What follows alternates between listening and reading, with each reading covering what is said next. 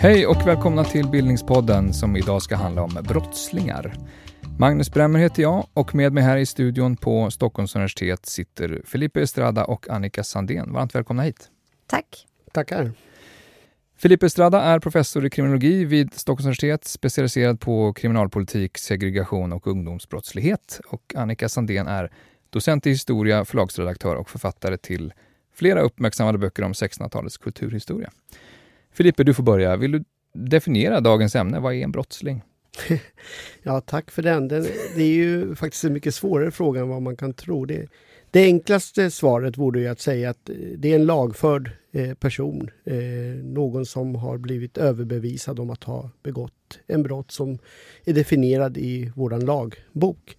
Men så enkelt är det ju förstås inte.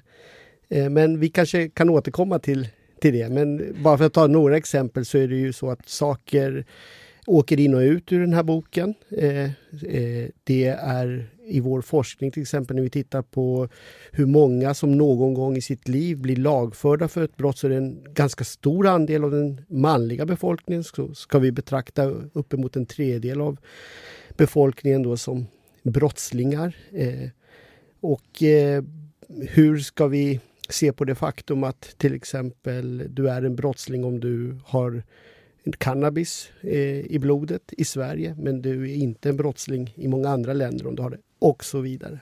Är det också en, lite grann en fråga om synen på människor och mentaliteter kring vad som är brottsligt och kanske kontra omoraliskt? Och så? Precis så. Det är ju så att en hel del av de beteendena som vi eh, idag betraktas som brottsliga har inte alltid varit det och omvänt. Och de här klassiska exemplen som vi brukar ta, till exempel när vi undervisar om det här, handlar ju väldigt mycket om våldsbrott. Eh, där eh, väldigt mycket av det som vi idag betraktar som oönskat och brottsligt eh, inte alltid har varit det. Där tänker jag att Annika kommer kunna mm. fylla i väldigt eh, bra. Mm. Annika, du är intresserad för det här ämnet som historiker. Mm. Vad, vad, är mest intressant med att studera brottslingens historia? Eh, för mig var nog ingången egentligen att jag var intresserad av människor i den, under den här tiden, i det här samhället. Eh, och vilka de var. Det är framförallt 1600-talet? Ja, men precis. Mm. De här eh, byarna ute i landets eh, olika delar. Eh, och att eh, domstolsprotokoll är en källa som, som finns eh, som historiker så att säga, upptäckte eller återupptäckte på 80-talet, 70 80-talet. Som då hängde ihop med ett nytt intresse för sociala förhållanden och, och den här typen av... Eh, alltså det var en väg in i människornas liv i den här tiden. Så för min del så var det inte i första hand själva brottsligheten som intresserade mig, eller rättskipningen, utan det var ett sätt att komma nära människorna då, tänkte jag. Sen är jag ju, har jag ju blivit väldigt intresserad av det. Eh, och jag tycker att det, det är oerhört intressant eh, att alltså med kriminalitet och brottslighet eftersom det ju rör människors levnadsförhållanden och, och, och, de villkor som vi lever under som människor. Så att på sätt och vis så ligger det väldigt nära det som jag intresserar mig för. Men går det ens att, att, att säga hur lång brottslingens historia är? Kanske bilden, moderna förståelsen av vad som är en brottsling? Ja, men det hänger väl ihop med vad det som Filipe sa här just att det, det beror ju på vad vi definierar som en brottsling. Men om vi tänker oss att det har funnits lagtexter sedan eh, Hammarbys lag från Mesopotamien 1500 f.Kr. eller ja, när det var. Eh, så, så finns det ju, alltså vi har ju föreställningar om rätt och fel har vi haft i alla tider. Och i väldigt många samhällen så har man ju också eh, någon slags ehm, eh, institutionaliserat sätt att kunna utfästa bestraffningar till exempel eller korrigeringar i den mån som saker har gått snett på olika sätt. Mm. Vill du säga någonting Filippa om, om det här med att historisera fenomenet? Ja, det är ju något som vi kriminologer gillar att göra. Alltså det är ju att sätta sammanhang på saker. Att, eh, vi kan idag vara väldigt upprörda över vissa eh, fenomen eller brottstyper eh, och tycka att, de är, att det är självklart att de är kriminaliserade. Eh, I framtiden kan vi vara säkra på att en del av det, de sakerna vi eh, gör idag kommer nog kanske ses i ett annat ljus och kanske bli kriminaliserat. Och vi, man kanske kommer vara oförstående hur vi kunde skräpa ner eh, och förstöra vår jord till exempel. Att vi får en helt annan lagstiftning på den typen av eh, skadliga beteenden. Mm. Eh, Medan kanske annat eh, inte kommer vara eh, kriminaliserat. Och vi har ju till exempel en intressant diskussion idag i Sverige och också i Norden om hur vi ska hantera narkotikaproblemet. Är det något som hanteras bäst i eh, rättsväsendet eller är det mer en hälsofråga? Mm.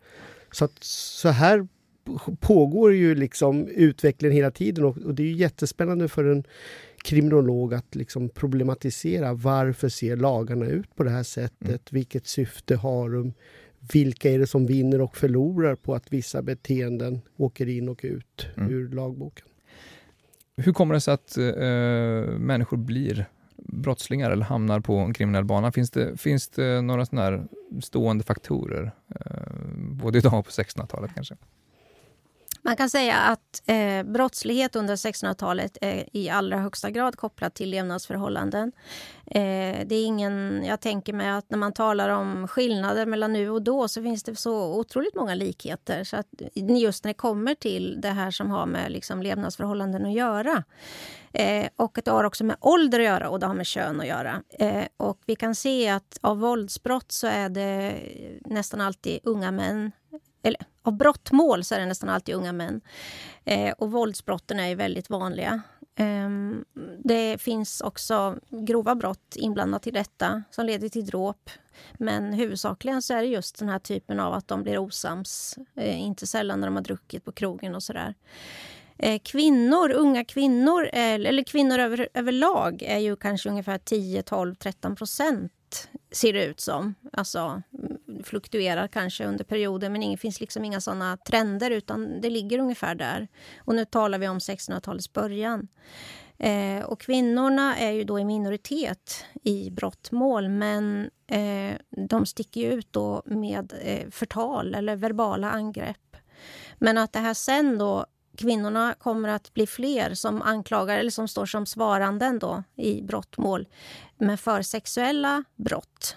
För det är någonting som kommer till. Alltså att det finns eh, i takt med centralmaktens framväxt så börjar man ju att kriminalisera vissa handlingar. Då blir det fler brottslingar. Alltså de som begår de här brotten. Då. Så att det, och, och de som begår de här sexuella handlingarna, de här kvinnorna som det oftast handlar om, de är ju ofta tillhör samhällets marginaler, om man kan uttrycka sig så. Det är ofta kvinnor som har blivit gravida utanför äktenskapet och fått sämre status i lokalsamhället, kanske till och med blivit utstötta. Och sen är det också så här att vi vet ju då att många eh, sökte sig till män i hopp om att ingå äktenskap. Eh, så att så blev det nya eh, anklagelser om brott. Mm. Eh, så att det, det, ser lite... Mm, man kan väl säga att det finns ju helt klart den här eh, att man kan koppla eh, brottslighet till Eh, för unga män då så är det våld och för unga kvinnor så är det sedlighetsbrott. Och levnadsomständigheter ja. som, som styr i hög grad. Mm. Eh, handlar om väldigt olika typer av brott också, ja. hör man från din, din redogörelse här. Filippa, vad säger du om, eh, om idag kanske?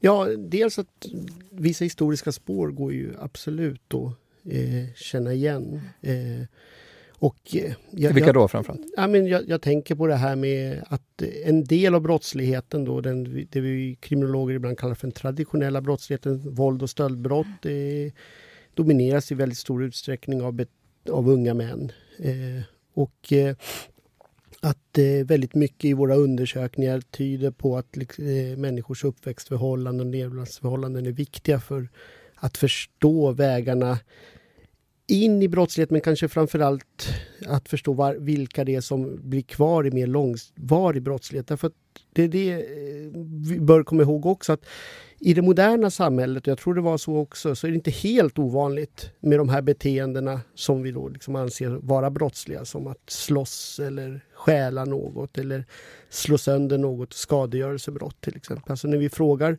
ungdomar i våra skolundersökningar om deras erfarenheter av att ha begått brott under tonåren så är det ju ganska många, eh, som inte minst då bland killar men även bland tjejer som uppger att de har begått brott. Men det är liksom lindrigare brott och mer tillfälliga brott och det är någonting man växer ifrån. Så att det beror liksom lite på hur vi definierar här. Historiskt så fanns det ju liksom den vi ibland kallar för den första kriminologen, en italienare, Cesare Lombroso. Han trodde ju att man kunde liksom upptäcka den här kriminella mannen och kriminella kvinnan. Och Lite förbrytarpersonligheter. För, precis, att det finns en personlighet liksom in i kroppen som avgör vem det är som är liksom brottslingen. Eh, och hans metod var ju då ganska vetenskapligt eh, för att vara på sin sida. Och han liksom gick in i fängelserna och tittade, liksom, tog bilder på eh, brottslingar som satt i fängelserna och, och försökte liksom hitta kännetecken, stora näsor, utstående öron, håriga ögonbryn, låg panna och så vidare. Mm. För liksom, som skulle på något sätt, det var inte orsaken men det var liksom manifestationen för att den här individen var en kriminell människa. Och den, den traditionen den finns ju kvar även i nutid liksom att hitta orsaken hos no, no, någon speciell personlighetsegenskap. Och mot det här står då det mer, kanske mer alltså att peka på eh, de eh, levnadsförhållandena, de sociala omständigheterna.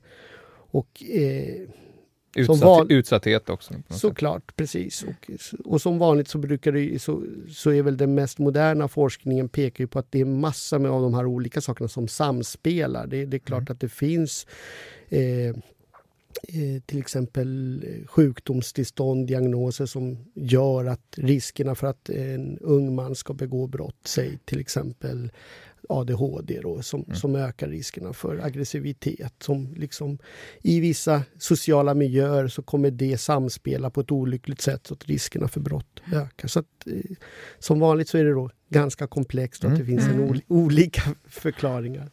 Nej, men jag, jag, jag, sitter här och bara nickar för det är precis just det här att det tycks ju vara väldigt, även på 1600-talet, en väldigt komplex eh, historia givetvis.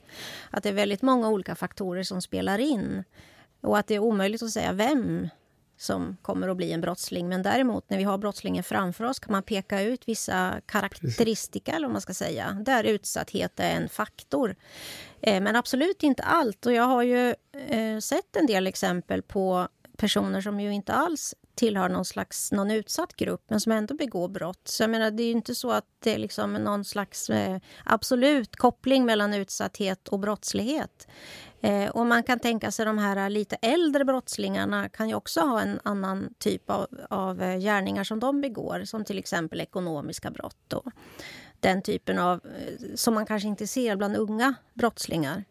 Så det är ju väldigt massa faktorer som ålder och levnadsomständigheter som spelar in. Och att en del personer har också funderat mycket på eh, diagnoser. Man tänker att en del verkar ha fattat dåliga beslut väldigt många gånger om och att eh, personer hamnar i, framför domare och rådsmän flera gånger. De undrar igen, undrar de. Och sen så ser man liksom hur det här upprepar sig. Så det är väldigt många olika faktorer som spelar in. Eh, vilken är annars den vanligaste missuppfattningen om, om brottslighet kanske, eller brottslingar som, som ni möter? Oj, det finns många. Men eh, du får fylla i sen Annika. Men mm. jag, jag, tänker ju då på att eh, brottsligheten hela tiden ökar, går ner i åldrarna och blir grövre. Det är en sån här standard. Då. Eh, att eh, man inte får prata om invandrares brottslighet. Eh, att alla brott, eller de flesta brotten begås av invandrare. Eh, är såna här liksom klassiska. Eller att eh, det finns en mirakelkur, ofta gärna i något annat land, New York-modellen eller numera i Danmark då, som om vi bara gjorde som dem så skulle vi få ner brottsligheten mm. i Sverige också. Massa olika saker där ja. direkt. eh, det låter som både rena missuppfattningar och sånt som kan kallas som fördomar mer. Det, det här med brottslighet, att brottsligheten ökar, det stämmer inte? Det stämmer inte jämt, eh, utan det finns perioder när brottsligheten har ökat. Eh, vissa brottstyper ökar, andra minskar. Det är också svårt, som jag varit inne på, liksom att definiera brottslingen och brottsligheten i en enhet. Det beror på liksom vad vi tittar på för Mm. brott. Men, eh, om Men det blir inte alltid värre. Nej, om du tittar på till exempel det dödliga våldet då, som vi med rätta uppmärksammar så har vi haft en period under 25 år efter 90-talets i- ingång då, då det minskade. Eh, och det här har man ganska, uppmärksammat ganska mycket också generellt i västvärlden, alltså som en period av the crime drop. Då. En kort historisk period jämfört med dina perioder Annika, men ändå Mm. liksom eh, eh, som ett tydligt brott mot den brottsökning vi hade haft efter andra världskriget. Så att brottsligheten kan både öka och minska.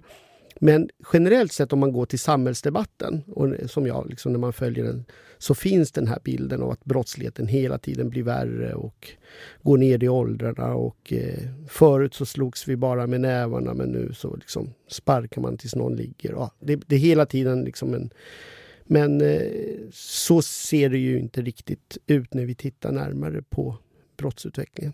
När det gäller då liksom, eh, eh, alltså det här med det dödliga våldet och det, det, det grövsta våldet, så historiskt sett så lever vi ju i en period med väsentligt mindre av det här grövsta våldet. Och, och vi kan vara ganska säkra på att eh, det relationsvåldet, mäns våld mot kvinnor, är lägre idag än vad det var i tidigare Mm. samhällen då det inte ens sågs som brott. Men där kanske du Annika har bättre Ja. koll än vad jag har. Ja, men det är återigen detta med, med statis- statistiska underlaget som är lite svårt att få fatt i. Men däremot så är ju, jag delar den uppfattningen i allra högsta grad. Och från någonstans början av 1600-talet och sen har det ju minskat dramatiskt.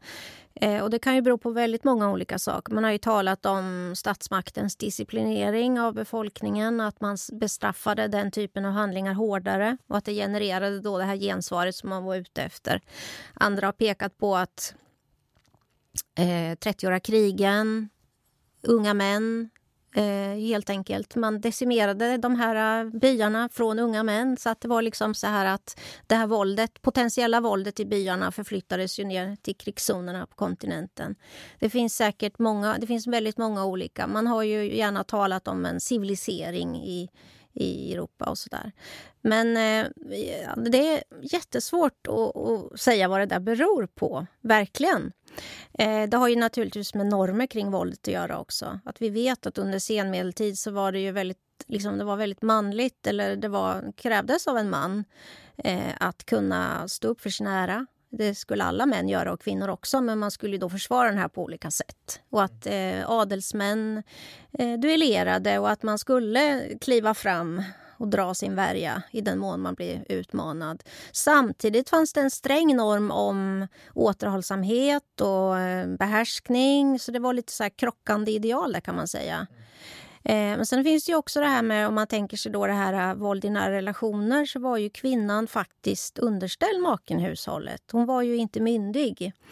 Eh, men att det står ju då i alla lagtexter och vi har ju de här kyrkliga texterna som eh, Hustavlans värld och i Luthers katekes och sådär att mannen och kvinnan ska älska varandra som ett kött och sådär. Samtidigt som mannen ju hade då laglig rätt att tukta hustrun och sitt husfolk. Så han, var, han hade den rätten. Samtidigt fick han ju inte slå henne och gå fram som en tyrann eller så. Men menar, det fanns ändå den här lagliga rätten så det här utrymmet var ju rätt stort. Ehm, och sen kan man tänka sig massor med saker som gjorde att kvinnor ändå och underställda hade ett, någon form av skydd eftersom de levde så nära varandra i lokalsamhället. Det gick inte att komma där med ett blått öga för liksom det framgick för alla. Och så kunde rätten eller fogden eller prästen eller någon annan gripa in då. Men det här öppnar ju ändå för att det fanns ett utrymme för husbonden så att säga att Eh, och jag menar, idag är ju våld är ju inte lagligt på några punkter och vi vet att det ändå förekommer så kan vi ju gissa att det förekom när det faktiskt var lagligt. Så att det är ju inte så, så svårt att tänka sig. Den här Eh, eh, könsaspekten är ju en mm. annan. Alltså, jag tänker nästan en utgångspunkt att brott när, närmast uteslutande eh, utförs av män. Hur, hur, hur, hur sant är det om vi tittar i, idag? Hur, stor del av den totala brottsligheten är manlig? Det beror ju på vad det är igen då för brott vi tittar på. Om vi fokuserar på våldsbrotten så är det en väldigt stor majoritet av de som döms för eh, våldsbrott som är män. Runt eh, 85 till 90 procent beroende på hur allvarligt våld vi titta på. Ju grövre brott, desto större andel män. Det är liksom en sån här eh, liten lathund. Man kan ha med sig. Men sen så finns det vissa brottstyper där kvinnors andel eh, är väl så hög och, kan, och ibland också högre än männens. Eh, snatteribrottet är till exempel eh, ett sånt eh, brott. Då. Bedrägeri. Högre andel kvinnliga brottslingar? Så, ja, i alla fall minst lika högt eh, beroende på vilket år man, man tittar på. Eh, så att det, det är sexualbrott enormt stor övervikt för män då. Eh, mm. igen. Så det beror på vilken brottslighet vi, vi tittar på. Eh, hur, hur, Men, hur ja. ser det ut eh, historiskt? Jo. Jag tänker det, de, de fall du nämner hittills kan ju handla om eh, något som då har varit kriminellt tidigare, kanske att, att, att, att prostitution till exempel, mm. eh, och inte sexköp, eh, där, där kvinnor har, har, har, har dömts. Men vad finns det för, hur vanligt är det med kvinnliga brottslingar i din, den historiska tid du tittar på? Jo, men de är ju alltså i klar minoritet. Alltså i, det är ju kanske 10, 12, 13 procent kvinnor som är då aktiva eller som är eh, i svarande eller kärande i, i brottmål. Nästan alltid är de svarande. Eh, däremot kan man ju se de här skillnaderna att eh, det finns kvinnor absolut som, som då Eh, anklagas för att ha begått våldsbrott. Men de är ju ganska få och i relation till, till de manliga brottslingarna så är de ju oerhört få. Men det är det ofta de här kvinnorna som, eh, som har slagits med andra kvinnor Alltså att man då, det har kanske börjat då med att man anklagar varandra för... Alltså det har med skvaller eller förtal att göra i botten, men så, så ger man sig på varandra. Eller jag har sett exempel på hur någon kvinna knackar på hos en annan kvinna och så säger för hon är där och letar efter sin make som hon tror är där inne för hon misstänker att de har någonting ihop med varandra och sen så börjar de slåss och mm. hårdrag kan man läsa om att de har dragit varandra i håret och slagits och sådär. Men det är också intressant, för det tycker jag också man kan se att kvinnor begår ju också stölder. Men oftare den här typen av eh, eh, till ett mycket mindre värde, alltså motsvarande snatteribrott och så. Eh, stöld var annars ett, ett brutalt brott att begå. Alltså riktigt illa sett var det. Mm. Eh, men de här grova stölderna eh, utfördes ju nästan alltid av män. Vi, vi, gjorde ju faktiskt en liten sån här, med våra mått mätt, historisk eh, undersökning. Mm. Eh, vi hade ett projekt om kvinnors brottslighet som samhällsproblem då vi gick tillbaka till början av 1900-talet och följde hur tidningar hade skrivit om kvinnors eh, brottslighet. Och så jämförde vi då med mäns brottslighet. Vi gjorde ett nedslag var tionde år i våra största svenska dagstidningar. Och och det var ju ganska, alltså vissa av de här temana som du beskriver finns ju eh, där. Alltså att när, när alltså en, en, klassisk uppdelning i forskningen är att kvinnan antingen är med eller säd, alltså galen, eller en tragisk person. Och de här tragiska brotten, det var ju ofta barnamord. Eh, det som eh, har blivit mindre vanligt då, tack vare vår abortlagstiftning. Då. Men det, det, beskrevs då liksom inte sällan i början av 1900-talet.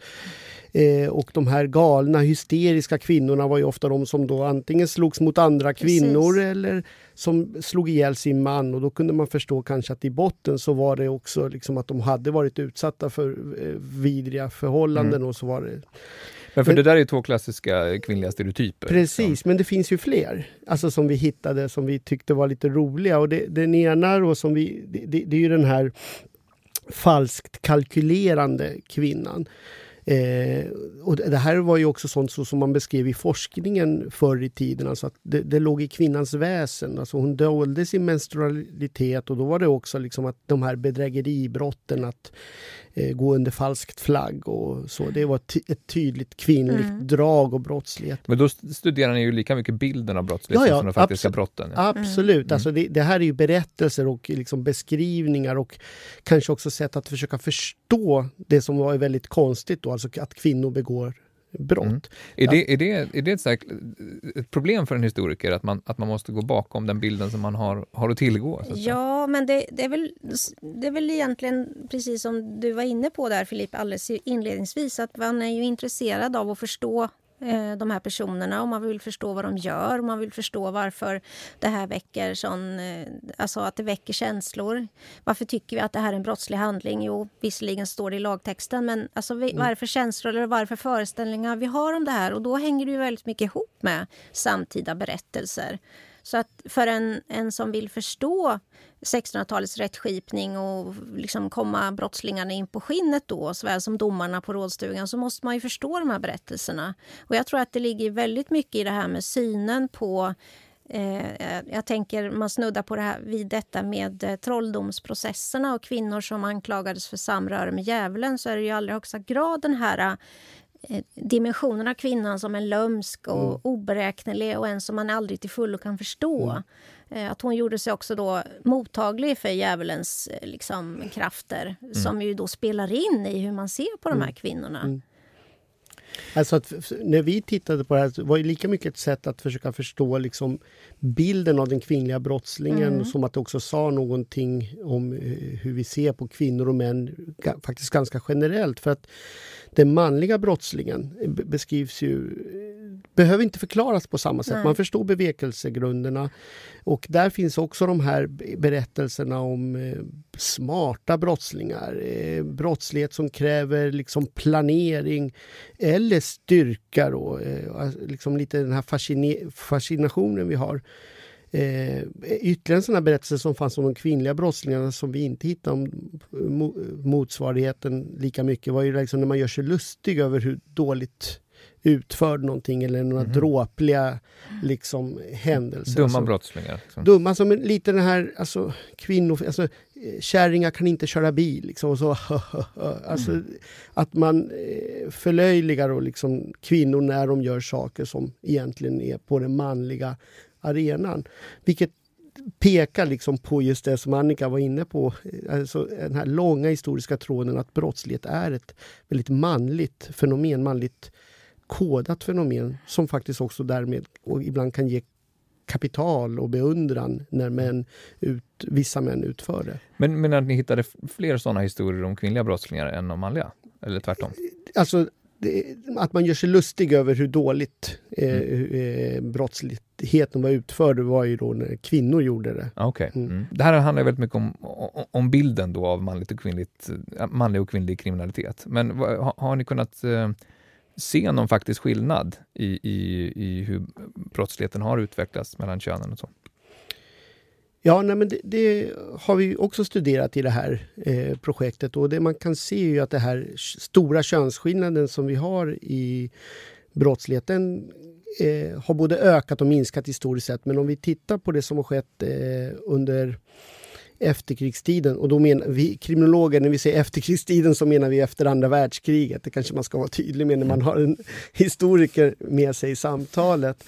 Eh, så, så, har ju det här eh, könsskillnaden minskat. Och det här har ju lett till väldigt mycket liksom, diskussion och eh, eh, forskning. Alltså varför minskar könskapet i brottslighet? Är det att kvinnorna då håller på att bli som männen? Har man då liksom eh, framfört som en hypotes. Och den här hypotesen kan man väl se väldigt mycket i den samhälleliga debatten också. Att med jämställdheten och kvinnors frigörelse så får vi liksom någon form av att kvinnor också tar efter männen i det dåliga beteendet och att det förklarar den här skillnaden.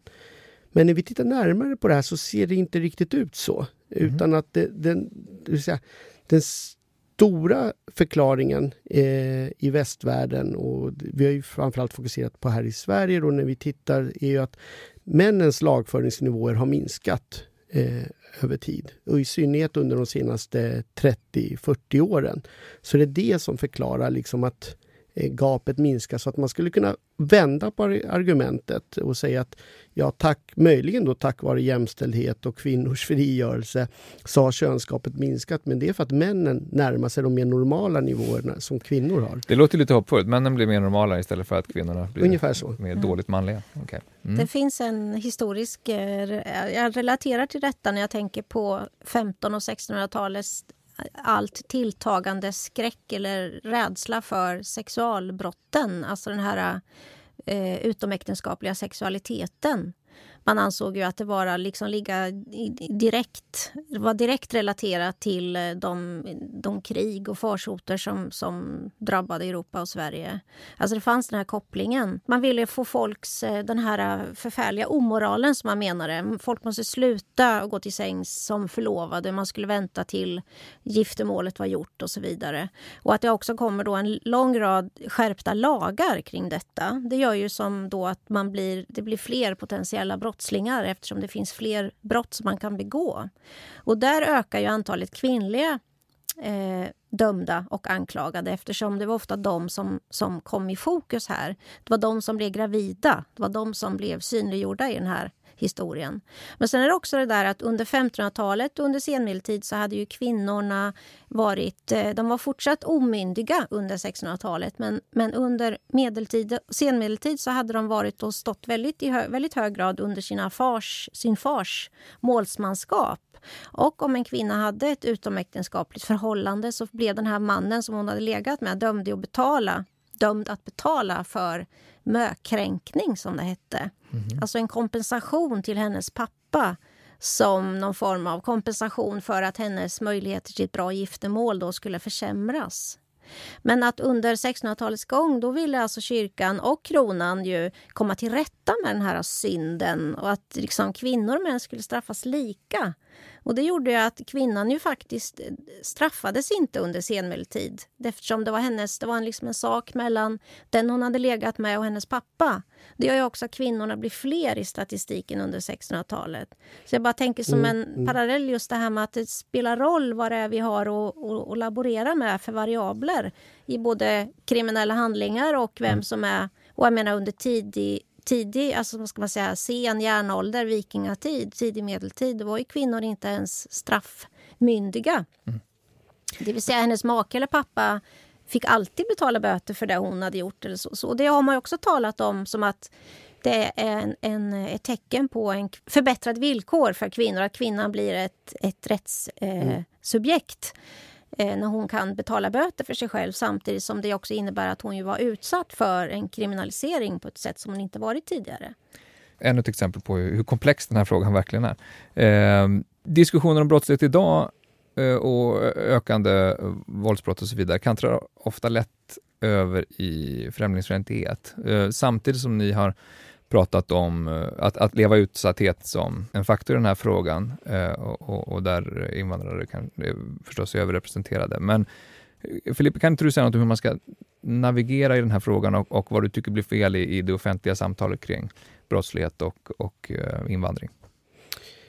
Eh, oj, det är ganska många saker som jag kan bli lite bekymrad över. Alltså, dels så har vi ju under en väldigt lång period låtit påskina att man inte får prata om de här frågorna eller att man inte forskar på invandrares brottslighet och vad överrepresentationen kan bero på. Det är ju liksom inte sant. Eh, så, eh, utan det är några få frågor som vi har hållit på med så mycket i svensk kriminologi så, eh, som den här.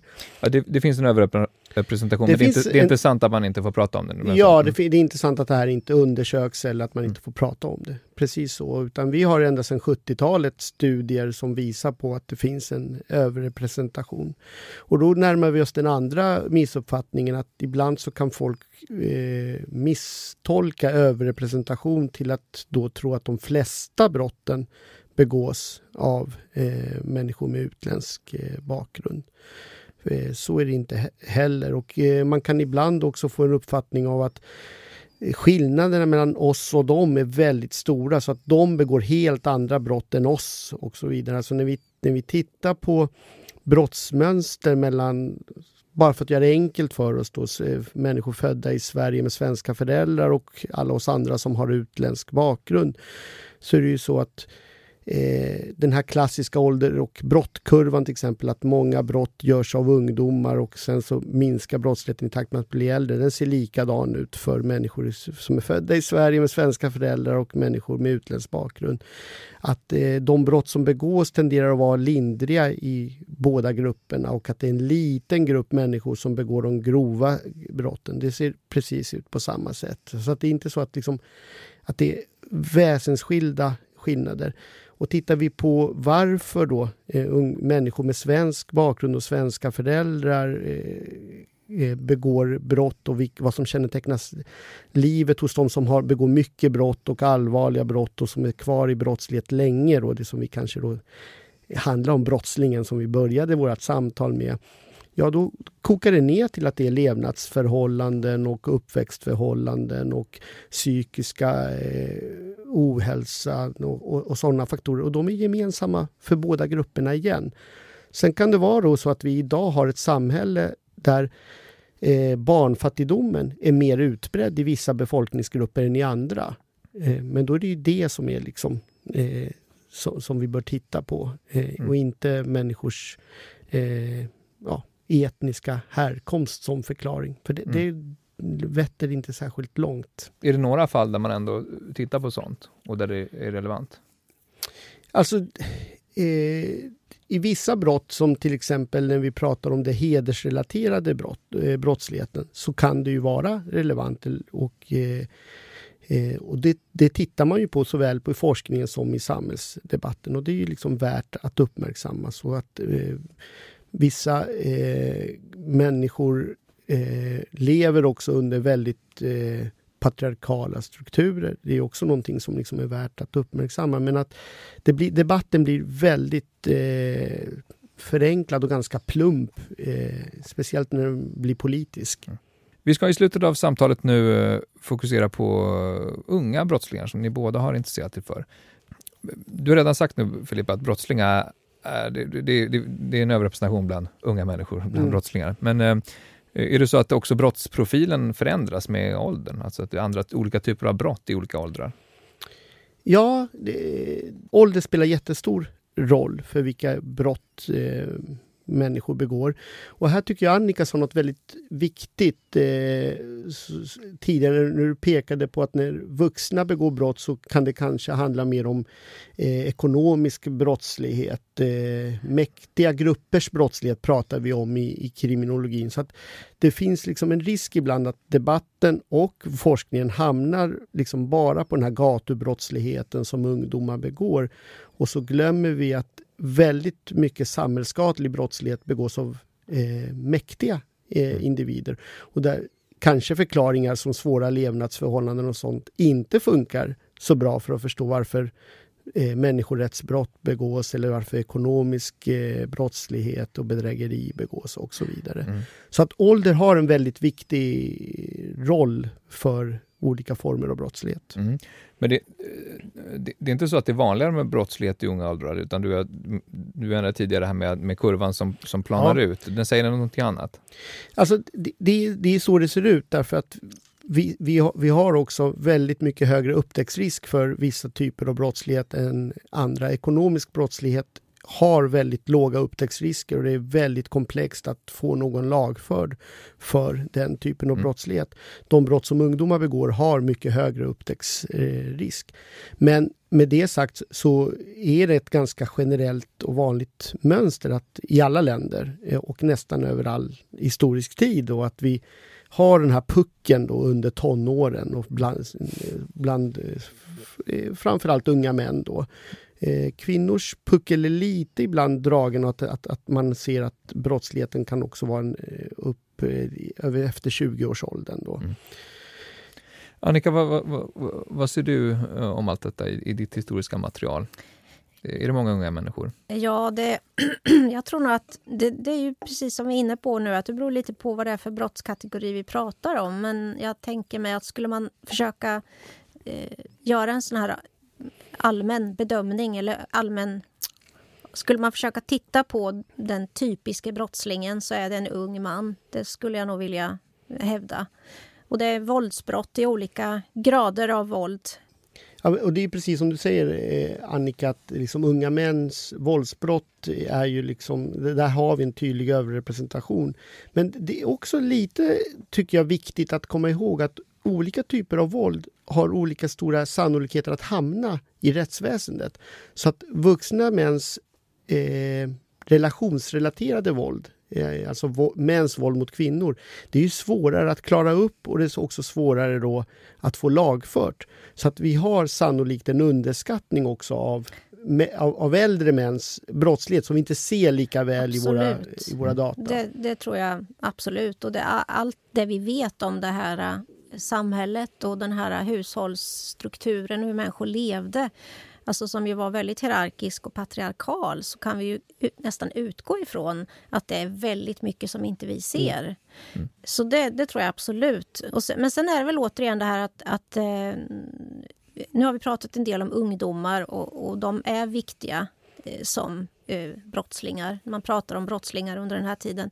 Men sen är det väl också det där att 1600-talets början och dess slut eh, skiljer sig ganska mycket åt. Och jag tänker just den här eh, sexuallagstiftningen gör ju att många äldre eller äldre, alltså inte ungdomar längre utan det är väldigt många eh, gifta par som då har relationer vid sidan av och som då eh, döms för hor som ju var ett, ett grovt brott verkligen som man faktiskt kunde dömas till döden för. Mm. Så att det sker ju någonting här som gör att det blir en, den typiska brottslingen kanske är någon annan i början av seklet och vid dess slut.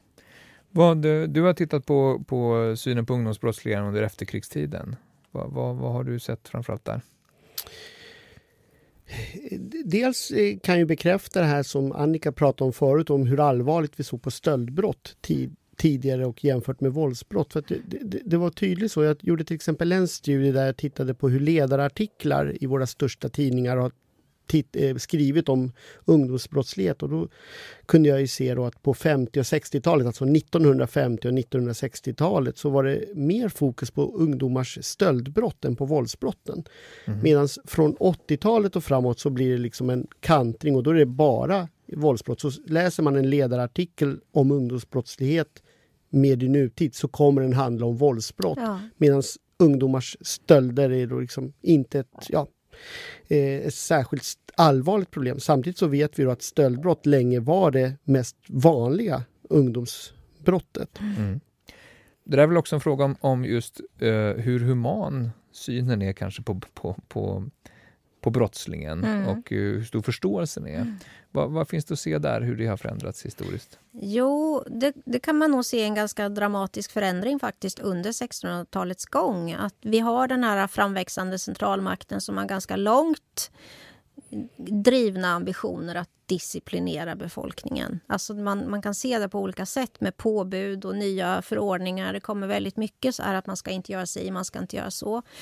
Och det är också så här att i den här centraliseringsambitionen så ligger det just att man ska man inrättar hovrätterna. De olika underrätterna i rikets olika delar ska döma efter lagens bokstav och ingenting annat. Den som har dömts till döden, den dödsdomen ska granskas och så vidare. Man vill ha den här, en helt annan typ av genomskinlighet och rättssäkerhet. Eh, och då är det också så, om man då tänker sig det här eh, teologiska bagaget, eller man säger, den här teologiska grunden som man hade i rättskipningen, att Gud kan vredgas om vi inte skipar rätt som det är tänkt att den ska vara. Alltså det, liksom, det gick hand i hand. Så kanske man då hade, vad ska man säga, lite mindre, man la inte fingrarna emellan på samma sätt. Man kanske inte riktigt tog hänsyn till alla omkringliggande faktorer för den enskilda. Samtidigt så vet vi att eh, hovrätterna ju i stort sett ju aldrig godkände underrätternas dödsdomar utan det är ju mm. liksom benådningar hela tiden.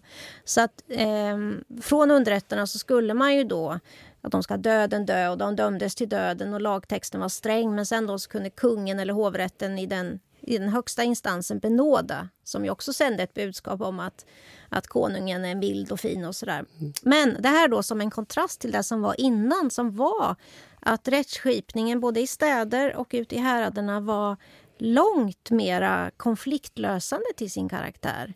Eh, den var ju alltså godtycklig och rättsosäker skulle man lugnt kunna mm. säga. Mm. Men faktiskt inte alltid... Eh, alltså väldigt ofta som man till den till de här inblandades, eh, till de inblandades fördel. Alltså det beror naturligtvis på vem, vad det var som hade hänt. Men om det är konflikter i, i kring var liksom, eh, egendomskonflikter eller det är förtal eller vad det nu är så fanns det dels i rättsskipningen funktioner för att man skulle kunna lägga brottet bakom sig. Alltså om det hade liksom, om det var så att någon hade anklagat någon annan för att vara oärlig på ett eller annat sätt så kunde man då i rättssalen tillgripa liksom, eh, en, alltså, man kunde säga vissa saker som gjorde att man då oskadliggjorde den här hotet mot äran. Eh, så att det fanns liksom funktioner i rätten som gjorde att man liksom kunde gå tillbaka till något slags ursprungligt läge igen. Mm.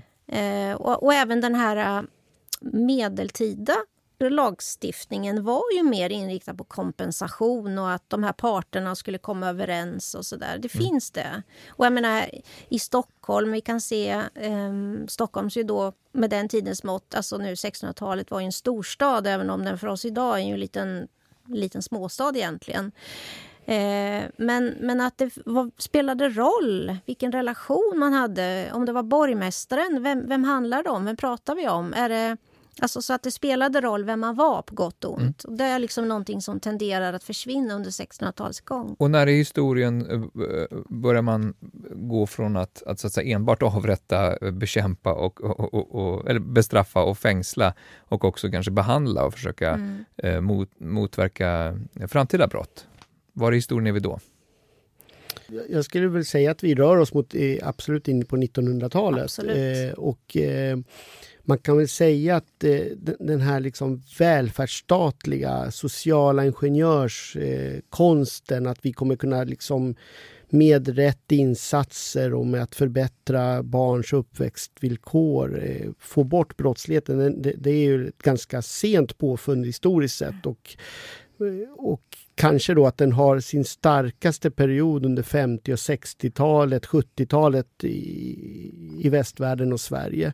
Och när jag tittade till exempel på de här ledarartiklarna då, som också hade olika politiska eh, färger eh, så, så, kan man ju se att eh, på 60 och 70-talet så, så var det ändå en ambition att förstå brottslingen och att man kommer komma till rätta med den här brottsligheten genom liksom att bekämpa dess orsaker och en ganska, liksom, ska säga, mera förlåtande och förstående än fördömande eh, inställning. Och det här är parallellt med att brottsligheten ökar under den här perioden, vilket är väldigt intressant. Mm. Att, så att det, det oroade inte dåtidens politiker. Mm. Eh, utan brottsligheten ökar, kriminologerna sa att brottsligheten ökar, men ändå så kunde man ha liksom en ganska progressiv mm. Bland, bland annat förkortade, förkorta straff, försöka hålla människor utanför fängelset eh, mm. så mycket som möjligt. Redan på 90-talet då så, så, så, så, sker, så sker ju en, en, en förändring mm. här mm. i den här politiken. När det gäller ungdomsbrottslighet, så ni har ju pratat om, om eh, faktorer varför, varför unga kan hamna i, i kriminalitet. Men vad, vad, finns det, vilka är de viktigaste skyddsfaktorerna så att säga, för att uh, unga inte ska hamna i det här? I nutid så, så är det ju det starkaste skulle jag säga är att lyckas väl i skolan. Vilket i sig är kopplat då till familjerelationer, till att kunna få hjälp både hemma och ha en bra skolgång. Men att när vi i våra statistiska undersökningar eh, analyserar eh, liksom vad som kan få eh, livet att gå åt rätt håll respektive åt fel håll så är liksom skolan helt central. Och mm. Har du ett gott resultat med det som tonåring i skolan så är det väldigt, väldigt få som vi hittar sen liksom i, eh, i allvarligare brottslighet. Mm. Medan det omvända, då har du ett skolmisslyckande så ökar riskerna eh, ganska mycket. Det Men betyder inte att det är kört såklart. Det Nej. måste man bara säga. Alltså, med ett skolmisslyckande går alltid att reparera. Men tittar ni då på grupper som eh, som ligger på gränsen så att säga och det kan ha gått åt två håll eller gäller det alla elever? Så Då finns det massa andra faktorer varför man lyckas ja, i skolan. Ja, det, det, det, finns ju massor med faktorer som samspelar som mm. vi var inne på. Då. Så att liksom, hur det går i skolan har att göra med vilka resurser du har med dig hemifrån men också vad vi, liksom, hur skolan förmår att kompensera för ojämlikheten då i just de här uppväxtförhållandena. Mm. Kamratrelationer, var du råkar bo, det spelar liksom, här kommer segregationen in som en viktig faktor. Att, ja, det, det, det kan vara svårare eh, problem att misslyckas i skolan i vissa områden därför att då har du fler omkring dig också som också har misslyckats vilket då skapar eh, ogynnsamma kamratrelationer. Mm.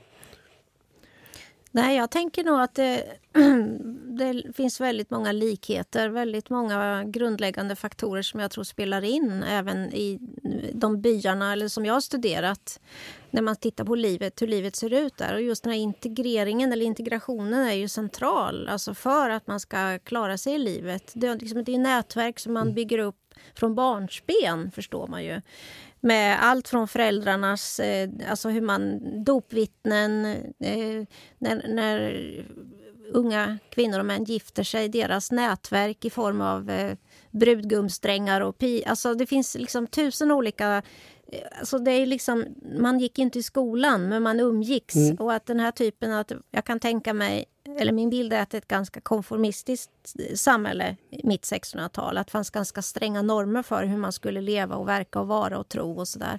Men att inom ramen för den gemenskapen så klarade man sig så att säga hyfsat bra. bra. Mm. Jag tänker mig just att, att det fanns då ganska stränga normer om hur man skulle leva. Så de här kvinnorna till exempel som ju blev Eh, kanske gravida utanför äktenskapet. Eh, att de riskerade mycket i den här, därför att de tenderade att bli utsatta för, eh, eller utstötta rent av. Eh, och att man kan också se de här unga männen, unga killarna som kanske begår brott eller som på något sätt inte passar in. Eh, man kan inte låta bli att tänka på på ADHD och andra... Mm. Alltså som att man kan liksom se, tycka sig kunna se eh, liksom, mm. mönster här. Och att de då på motsvarande sätt tenderar att bli utstötta. Mm. Jag, jag, tror, jag tycker det här är jätteintressant, mm. för jag tror ju inte att det är skolmisslyckandet i sig eller att du får liksom ett underkänt eh, betyg i vissa kärnämnen. Nej. Utan det är att det försvårar så många ingångsportar i vårt moderna samhälle. Du kunde misslyckas i skolan på 70-talet mm. och gå ut från nian med ett lågt genomsnittligt betyg men ta dig in eh, och ta det vidare in i samhället därför att det fanns en arbetsmarknad som var okej okay med att du hade det misslyckandet när du var 16 år. Mm. Idag så måste du gå vidare till gymnasiet och du måste klara gymnasiet. Inte för att vi har arbetsuppgifter som kräver det alltid utan bara mm. för att arbetsgivaren kan välja mellan så många olika så att mm. den ungdomen som då har den här stämpeln som, liksom, som du beskriver Annika, det, det är den som faller mm. ut liksom, som utstött i, i, idag. Det får bli dagens sista ord. Jag säger stort tack till Felipe Estrada och Annika Sandén för att ni ville vara med i Bildningspodden. Tack. Tack så mycket. Tack också ni som har lyssnat. Vi är tillbaka om ett par veckor med ett nytt avsnitt.